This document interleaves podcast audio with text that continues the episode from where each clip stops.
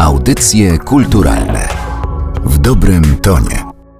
To są audycje kulturalne, podcast Narodowego Centrum Kultury przy mikrofonie Aleksandra Galant. Waga średnio śmieszna, wzrost 90 cm lub 130, no w zależności od tego, czy stoi na nogach, czy na rękach. Myślę, że wielu z Was podejrzewa, o kim mówię, co więcej, może nawet ma stuprocentową pewność, bo to jest bardzo charakterystyczny opis. To jest opis Tytusa, jednego z bohaterów serii komiksów Papcia Chmiela pod tytułem Tytus, Romek i Atomek. Tytus, Romek i Atomek zadebiutował debiutowali na łamach Świata Młodych. To było w numerze 85 w październiku 1957 roku. No a teraz w Muzeum Komiksu w Krakowie można oglądać wystawę, która wraca do momentu, kiedy Tytus, Romek i Atomek pojawiali się jeszcze na łamach Świata Młodych. To jeszcze nie były te księgi czy komiksy, jakie znamy dzisiaj, osobne tomy, tylko to był taki cykl ukazujący się na łamach gazety. Tytus, Romek i Atomek w świecie młodych, wystawa w Muzeum Komiksu. O tej wystawie opowie pan Tomasz Trzaskalik, prezes Fundacji Muzeum Komiksu, które, tak jak powiedziałam, za tę wystawę jest odpowiedzialne. Bardzo się cieszę, że przyjął pan zaproszenie i jest gościem audycji kulturalnych. Dzień dobry państwu to może zgodzi się pan cofnąć w czasie, zanim zaczniemy rozmawiać o wystawie, do roku 1957. Zastanawiam się, co to było za wydarzenie, kiedy najpierw Romek i Atomek pojawili się w świecie młodych, później dołączył do nich Tytus, bo to była taka, powiedziałabym, mała rewolucja. No a do tego jeszcze byliśmy w momencie, kiedy wokół naszej planety krążył sowiecki Sputnik 1, więc nastroje były bardzo mocno nastawione na te sprawy kosmiczne. No tak, no to był jakiś taki zbieg okoliczności, dlatego, bo Babcio Chmiel w swoich wspomnieniach podkreślał, że on tą historię, tą postać miał wymyśloną jak gdyby dużo wcześniej, no ale jakoś tak nie było zgody na tą publikację i gdzieś tam ten pomysł i te rysunki były w szufladzie. W momencie rzeczywiście, gdy zrobiła się moda na kosmos, i Sputnik, jak tu pani powiedziała, ładnie zaczął krążyć nad naszymi głowami, no to to jak gdyby dało gdzieś tam zielone światło i ta tytusowa historia y, ujrzała światło dzienne. Rzeczywiście historycznie, bo dużo osób pamięta te przygody Tytusa Romka i Atomka, których autor wysyłał w rozmaite miejsca i czasy, więc rzeczywiście pamiętają, że w trzeciej książeczce chłopcy mieli przygody w kosmosie, natomiast historycznie, no to tak naprawdę to była jakaś pierwsza ich przygoda. Świat Młodych to była gazeta harcerska I wydaje mi się, że o komiksie Papcia Chmiela, o tym jego pomyśle, można powiedzieć, że pod wieloma względami był przełomowy. I zastanawiam się, czy zgodziłby się pan podjąć tego wyzwania, żeby wyjaśnić, na czym ta przełomowość i wyjątkowość Tytusa Romka i Atomka polegała. To jest jakiś fenomen. Nawet wczoraj oprowadzałem po wystawie grupę i, i rozmawialiśmy o tym fenomenie tytułu Saromka i Atomka. No bo chociaż te rysunki, jak oglądamy te rysunki rzeczywiście z tego 57 roku, no to one no, są takie no, bardzo archaiczne. Ta kreska jeszcze widać, autor miał trochę niewyrobioną. Zresztą to dokładnie właśnie też na naszej wystawie widać. No Cóż, na czym ten fenomen polega? Ciężko powiedzieć, dlatego, bo w tej chwili jest tak, wydawałoby się, że te historie są rzeczywiście już jakieś takie oldschoolowe bardzo i, i małe dzieci teraz może bardziej bawi manga albo inne rzeczy. Moje wnuki z zapartym tchem czytają przygody Tytusa, dalej ich to bawi i śmieszy. Wydaje mi się, że tutaj największą wagę miał ten humor, który autor wprowadził, takie bardzo wyraziste charaktery tych postaci. Ten humor, te powiedzonka, który tu ludzie w rozmaitym wieku zbudzeni nad ranem potrafią powtórzyć.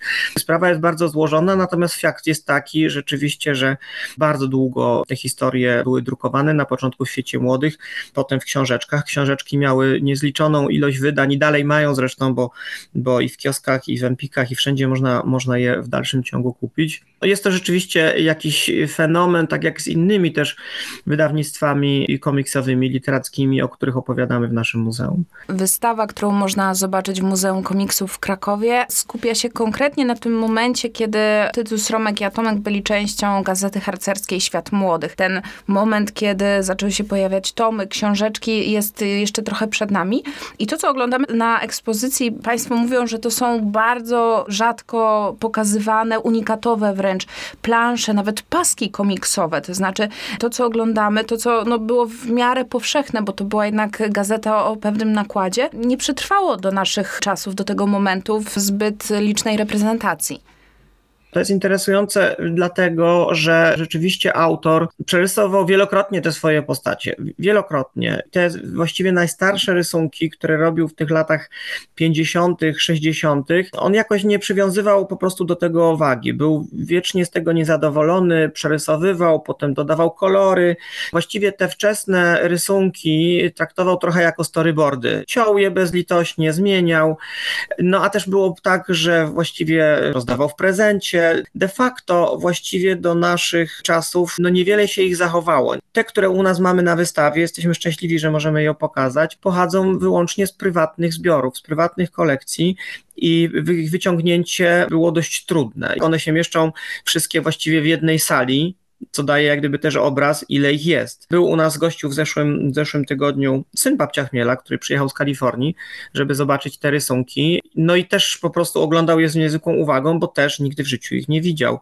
Na tyle jak gdyby jest to rarytasem. No ciekawe jest to rzeczywiście, że na tych oryginalnych rysunkach, bo pokazujemy oryginalne rysunki, widać ołówkiem dopiski autora, widać korekty, był niezadowolony przykład z miny Tytusa i tam podmalowane są białą farbą i ten Tytus jest bardziej smutny niż na początku autorowi wyszło.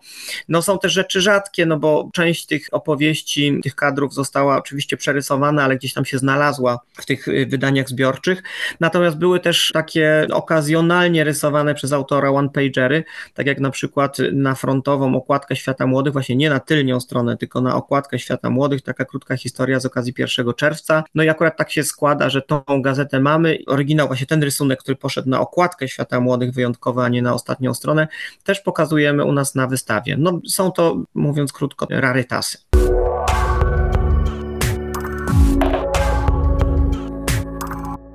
Obok tych rarytasów można powiedzieć, że komiks trochę wychodzi ze świata 2D i przenosi się w 3D, dlatego że nad tymi paskami, planszami, o których pan przed chwilą mówił, unosi się między innymi wannolot staraliśmy się ubogacić tą wystawę. Dodaliśmy na naszej wystawie takie powiększone kadry z późniejszych wydań przygód Tytusa, gdzie autor dodał kolor. No to też trzeba wiedzieć, że na początku gazeta była zupełnie czarno-biała. Potem były dodawane w gazecie monokolory, albo tylko zieleń, albo tylko czerwone. Natomiast dopiero w połowie lat 70. świat młodych przeszedł na pełny kolor i tam autor zaczął się też akwarelami rozpędzać. Więc ubogaciliśmy to nie tylko tymi kadrami właśnie z takimi dodatkowymi kolorami, motorami, natomiast rzeczywiście tymi pojazdami, które de facto były robione na potrzeby takiej dużej wystawy, którą robiliśmy w 2018 roku w Muzeum Narodowym. I to była ciekawa wystawa, dlatego, bo tam był też w zasadzie cały pokój poświęcony twórczości Papcia Chmiela. Były nie tylko oryginalne kadry rysunków, ale były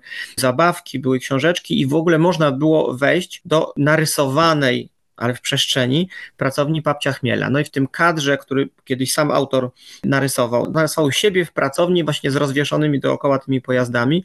No i na potrzeby właściwie tej wystawy odtworzyliśmy wszystkie te pojazdy w mikroskali. Bąkolot, prasolot, konia Rozalię, wannolot, no i jesteśmy szczęśliwi, że możemy dalej je wykorzystywać i cieszyć tym oko y, naszych zwiedzających. Kiedy opowiada Pan chociażby o tych pojazdach, które pojawiały się na kartach komiksu, to ja tylko utwierdzam się w takim przekonaniu, które w sobie miałam po lekturze komiksów, bo ja je także w dzieciństwie czytałam. Trochę podkradałam je kuzynom, którzy się na mnie denerwowali, bo oni mieli ułożone je w jakiejś sobie tylko znanej chronologii. To niekoniecznie było związane z czasem wydania, ale chyba tematycznie, natomiast ja im to trochę psułam. Utwierdzam się w takim przekonaniu, że świat Tytusa, Romka i Atomka nie miał absolutnie żadnych granic. Oni mogli pojawić się wszędzie w dowolny sposób, jaki tylko Papcio Chmiel, który sam siebie tytułował człowiekiem zmałpionym, wymyślił.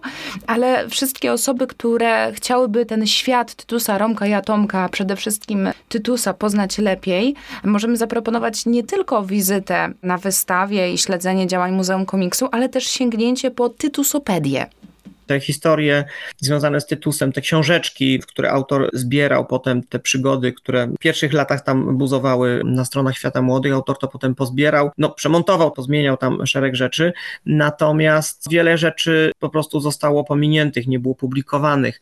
Nie tylko historie z Tytusem, ale, ale też historie właśnie, które okazywały się tam zupełnie okazjonalnie, czyli te przygody nie miały jakiejś dłuższej kontynuacji z okazji, nie wiem, Dnia Dziecka czy 1 maja. Swego czasu Egmont podjął taką próbę publikacji części częściowo tych pierwszych historii, tych pierwowzorów, jak gdyby tych historii książeczkowych, natomiast no, nikt do tej pory nie pokusił się o zebrania tego w całość. To gigantyczne dzieło zostało podjęte, no i jest na ukończeniu.